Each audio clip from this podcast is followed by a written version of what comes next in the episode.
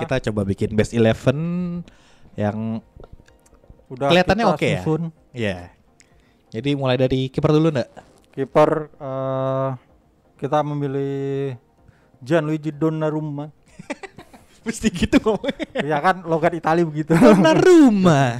logat Italia begitu. Makan bang, makan bang. Kenapa Donnarumma? eh, ya walaupun dia kemarin kebobolan ya, tapi eh, secara Kerja keseluruhan permainan dia kerja keras. Hmm. Eh permainan dia kerja keras. Permainan dia bagus. Dia bikin eh, penyelamatan eh, Banyak banget. banyak Iya. ketika lawan Austria. Jadi ya kita memilih Donnarumma. Walaupun di ada Pickford yang masih belum kebobolan, tapi kan dia belum ini ya. Belum Belum kerjanya nggak sekeras iya. Donnarumma Ah, kemarin. masih ya masih bisa ngopi masih bisa ng- ngop apa pakai kopi sobek ya, Masih bisa itu, masih bisa godain fans yang di Iya. tribun. itu yang bikin fans jatuh tuh gara-gara dia tuh. oke ke back tengah Back tengah kita milih Simon Kier dan Harry Maguire. Yoi Itu kalau kapten iya kapten itu Kier beneran kapten material banget Iya. soalnya dia bener-bener main sampai cedera dan itu dia masih maksain main dan kalau ada Kier mungkin kemarin eh, Denmark kebobolan Iya. satu atau dua gol lawan Wales. dan setelah ini juga Kiar katanya mau di apa diangkat jadi kaptennya si Milan ya Karena Romagnoli ya. Romagnoli Gitu ya, dah. jadi jadi siapa ya terus si siapa Donnarumma-nya juga pindah Iya. Oh iya ada Milan di sini. Dukung ya. Wes, mantap. PR. Terus ada Maguire. Maguire yang kemarin jadi man of the match Ah. Inggris Jerman walaupun eh, bagus sih sebenarnya Maguire cuma ya kalau dilihat Jerman juga nggak terlalu bikin dia kerja keras tapi dia Tapi tetap seenggaknya dia inilah apa dia di awal kan dia ke Euro ini kan ber apa ya? bawa cedera kan. ya Tapi uh, ketika udah sembuh dia langsung langsung nyetel nyetel sama permainan uh, tim. nggak kayak Verratti ya Nggak kayak Verratti masih butuh masih butuh uh, kayaknya dua pertandingan lagi untuk bisa nyetel lagi. emang emang nyampe nih dua pertandingan lagi Apa? Verratti Nyampe. Nyampe. nggak nggak kalah nih ntar Ah? nggak kalah lawan Belgia Enggak.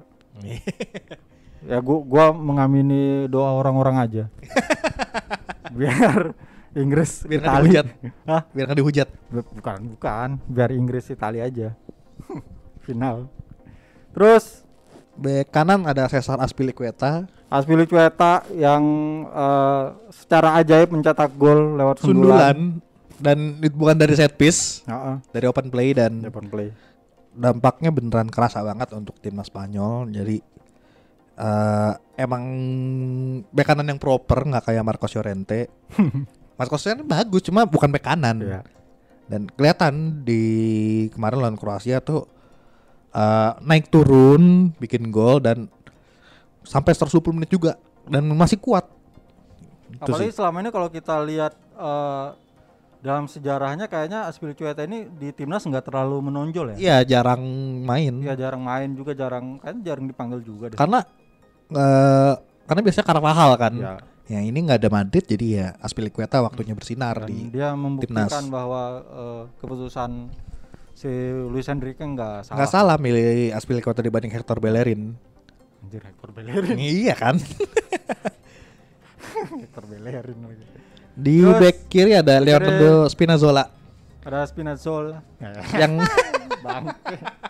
Ada Spinazzola yang eh, lagi-lagi membuktikan bahwa performa angin-anginan dia di AS Roma nggak berlaku di iya karena dari babak grup juga udah bagus Ya. banget. Kemarin bikin asis lagi satu kan. Benar. Ya kalau gua lihat kemarin Spinazzola itu emang jadi man of the match-nya untuk Hmm. Itali Austria ya. Dan dia jadi apa ya? Jadi pemain pertama yang jadi man of the match dua kali. Ah iya. Sebelum sebelumnya waktu pertandingan pertama ya lawan Turki dia jadi Iya. man of the match. Terus Dan- kemarin lawan Austria, Austria juga jadi man of the match. Dan ini eh, Spinazzola tuh jadi kayak ngasih bukti ke Inter. Gue bagus loh. iya. Karena kan dulu ditolak sama Inter. Lalu udah dateng, Udah dat udah tinggal tes medis. Spinazzola udah datang eh aduh internya siapa ya gue lupa lagi. Yang di Napoli sekarang gue lupa. Udah datang. Politano. Oh iya Politano udah ke Roma, Spinazzola udah ke Milan, ke apa ke Milano. Takutnya salah lagi. Udah ke Milano nggak jadi gitu. Dan ya benar ini jadi pembuktian eh, Spinazzola bukan cuma untuk apa ya? Bukan cuma untuk eh, dia di mata Mancini tapi juga Di mata Mourinho ya. Mourinho, Mourinho. pelatih baru nanti si AS Roma. Terus winger kanan kita ada Michael Damsgaard. Damsgaard ini haram kalau nggak dimasukin karena dia main bagus. Bagus banget kemarin bikin assist lagi satu. Assist. Dan kalau dilihat secara keseluruhan ya Damsgaard ini emang pemain terbaik di Denmark sih selama Ya. Euro 2020. Dan, dan, yang Kjær bikin ya. gua kaget adalah dia masih berusia 20 tahun. Gua Mukanya mikirnya masih bocah banget. Gue mikirnya 25 apa 26 gitu kan. Tahunnya kemarin 20 tuh- tahun ya Allah. Pak sebelum 16 besar si presiden Sampdoria bilang, "Ini Damsgaard gue jualnya 30 juta nih. Oh. Cuma kalau dia, dia bikin gue lagi, gue jualnya 40 juta." Presiden Sampdoria memang Iya. kocak sih. ajaib presiden klub Itali lah. Ferrero emang kocak tuh Ferrero itu. Terus Di tengah kita ada siapa tadi? Rice ya? Siapa? Rice. Declan Eh. eh, Calvin Phillips Oh iya, Philip. sama Thomas Holes. Oles. Oles, Oles. Holes ya mungkin termasuk gua dan Wanda mungkin kita nggak banyak tahu tentang Thomas Holes sebelum Euro dan bahkan sebelum babak 16 besar tapi kemarin dia eh, tampil luar biasa dan jadi sosok yang membawa Ceko bisa mengalahkan Belanda. Hmm. Dan satu hal yang sangat unik dari Thomas Holes, dia berposisi sebagai gelandang bertahan tapi pakai nomor 9. Emang iya? Iya. Hebat lu. Iya, Pantesan bisa cetak. Emang naluri Naluri, naluri. nomor 9 ya kan. Yoi. Terus Thomas di Holes, winger ah di tengah juga masih ada Calvin Phillips yang kemarin tuh eh, lagi-lagi tampil memukau dan kalau kata Raheem Sterling kemarin tuh si Phillips ini mainnya kayak binatang buas. Jadi setiap Jerman itu langsung diterkam sama dia. Ya, lebih Tahu nggak kenapa begitu? Kenapa? Karena sebelum match dia makan biskuit. Udah, next ya. Jahat lu semua. tapi, eh, tapi seenggaknya apa yang dibilang Sterling lebih masuk akal lah daripada yang dibilang sama Squaw Kabet. Bilang apa dia? Phillips eh, apa passing kayak Pirlo, tackle kayak Gattuso, terus eh, apalagi satu lagi ya. Dribbling kayak kakak. Biasa media Inggris. Jadi lebih mending eh, apa yang dibilang sama Sterling ya. Iya, lebih buas. Dan memang representatif. terbukti lah. Iya. Terbukti Calvin Phillips. Terus Winger kiri. kanan. Eh, Eh, kanan. kanan. Eh, ya. kiri. Mampus lu Kiri, siapa kiri, kiri, kiri. kiri. Ya, kiri. Kiri. Siapa? Tadi lupa Tadi gua. Grealish. Oh, Emil Forsberg. Fel Forsberg. Emil Iya. Forsberg walaupun Swedia Gagal. nggak lolos ke perempat Perempat final, final. tapi dia main kemarin main bagus banget dan harusnya bisa cetak hat trick. Hmm. Kalau gawangnya geser dikit. Karena dua kali kena tiang. Dan yang membanggakan dari Emil Forsberg ini dia di pertandingan pertama eh, fase grup itu kan dia cadangan. Iya ya. Iya cadangan dia baru masuk babak kedua pak. Pokoknya Oh. pertandingan pertama sama kedua apa. Tapi setelah itu dimainin mulu, ya hasilnya Swedia menang. Iya. Di pertandingan terakhir, terus kemarin di apa lawan Ukraina. Ukraina juga cetak gol gitu kan. Itu ya membuktikan bahwa Forsberg memang layak untuk eh, dimasukkan ke Iya. Eleven versi football five star. Yang nanti bakal kena hujat oleh semua orang. Karena tidak memasukkan cewek. Banyak lah. Sinchenko nggak masuk. Iya, Buscan nggak masuk.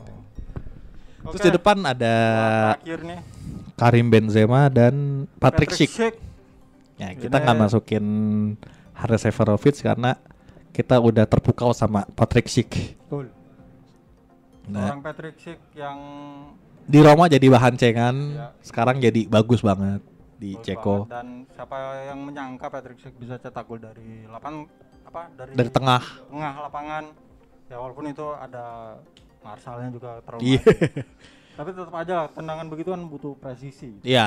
Dan itu yang dilakukan Patrick Schick. Dan Dan itu dia membuktikan bahwa pertandingan itu bukan cuma kebetulan buat dia. iya, dan Karena setelahnya dia cetak bikin gol lagi. Sekarang Sekarang jadi udah ada 4 gol. 4 gol. Satu gol lagi dia eh, menyamai Cristiano Ronaldo sebagai top scorer. Nah, Nah, terus terus berarti uh, Ceko kalau bener-bener si Patrick Schick-nya bisa cetak gol tambahan lagi nih, Hmm? dia melanjutkan ini ya. Apa yang pernah dilakukan sama Milan Baros. Yoi, Di out of 2004, nowhere jadi top 2004 ya? scorer. Jadi top scorer dibeli Liverpool busuk. Emang Milan Baros doang striker pakai nomor 5. Oh iya bener, Iya kan? nomor 5 bus. Kayak itu Milan Baros sama Mas Holes kebalik posisinya cuy. Ya, gitulah. Terus satu lagi ada Karim Benzema Karim Benzema yang dia- bikin dua gol dalam tiga menit bener. dan golnya itu juga taktiknya bagus banget. Hmm. Bagi gol pertama ya pas lawan Swiss. Lu lihat nggak? Iya. Yang bolanya di belakang terus tiba-tiba jadi di depan. itu sentuhannya lebih ajaib ajaib banget sih. Ah, dan nggak banyak pemain yang bisa bikin gol kayak gitu. Bener bener. Terus gol keduanya tuh sundulan atau bukan sih? Bukan kayaknya eh lupa gua. Pokoknya Gue gol yang juga gol pertama doang. bagus dan Hmm. tekniknya juga kelihatan lagi. Jadi Dan apa ya? eh inilah eh, apa? Comebacknya Benzema ya terbukti ini ya bener ya. nggak Oh, salah, nggak- salah salah Deschamps manggil Benzema lagi. Ya Karena emang- walaupun ya mungkin prestasi tim lagi nggak bagus, Iya. tapi seenggaknya eh, performa Benzema bener-bener eh, membanggakan lah. membanggakan dan menjawab semua apa ya? Semua Keraguan. keraguan ke dia gitu. Mm, Dan, Dan juga menjawab apa? tantangannya Jiru. tantangannya Giroud menjawab go-kart pernyataannya di pernyataannya Benzema sendiri kalau dia F1 Giroudnya go kart gitu kan. Ternyata ya Terbukti. emang dua-duanya. Eh, Benzema golin banyak tapi Prancis gak juara. iya. Giroud nggak golin, Prancis juara. Piala dunia buset. Main Tamiya tuh kayak terakhir. go kartnya batal kan juga batal juara. Terus udah Udah, kalau pelatih pelatih eh Mancini. Kasper Hjulman sih gua. Oh iya. Eh, kurang sih. Gua gua lebih ke Mancini Gianluca atau Amantino. aman gue mau ngomong gitu keduluan Man kenapa ya Eh, Mancini bi- dia bikin perubahannya bagus Iya, maksudnya dia gue liat itunya aja sih dia tahu dari timnya perubahan itu mana aja. punya masalah apa dan Ya. langsung ngasih reaksi. benar Nggak kayak yang itu yang baru mundur. yang baru mundur ya decision makingnya masih perlu belajar Ah. sih. Perlu ke Inter lagi. Ah. mungkin eh, bisa ngelatih di mana ya Inter? Balik lagi deh. Iya gantiin Inzaghi ntar. Hah? Gantiin Inzaghi. jadi asisten aja. Jangan jangan gantiin Inzaghi Inzaghi masih baru. Ya udah. Itu aja lah eh, best eleven dari kita. Mungkin kalau eh, sobat bola ada pilihannya sendiri bisa komen di Ya, ada sugesti lain Ah, langsung komentar. Nanti juga di Instagramnya bakal di post best eleven pilihan kita. Kalau mau menghujat adminnya silahkan. Cuma kalau bisa jangan ya ya. kalau Karena kalau di- kalau eh, ada best eleven yang nggak sesuai nama kita nggak bakal kita ini. Iya. Suka-suka hati kita aja Yoi. nanti. yang mau ditayangin yang mana. Ya udah eh, gua Wanda. Gua Kenza. Ciao. Sampai ketemu di Football Lifestyle selanjutnya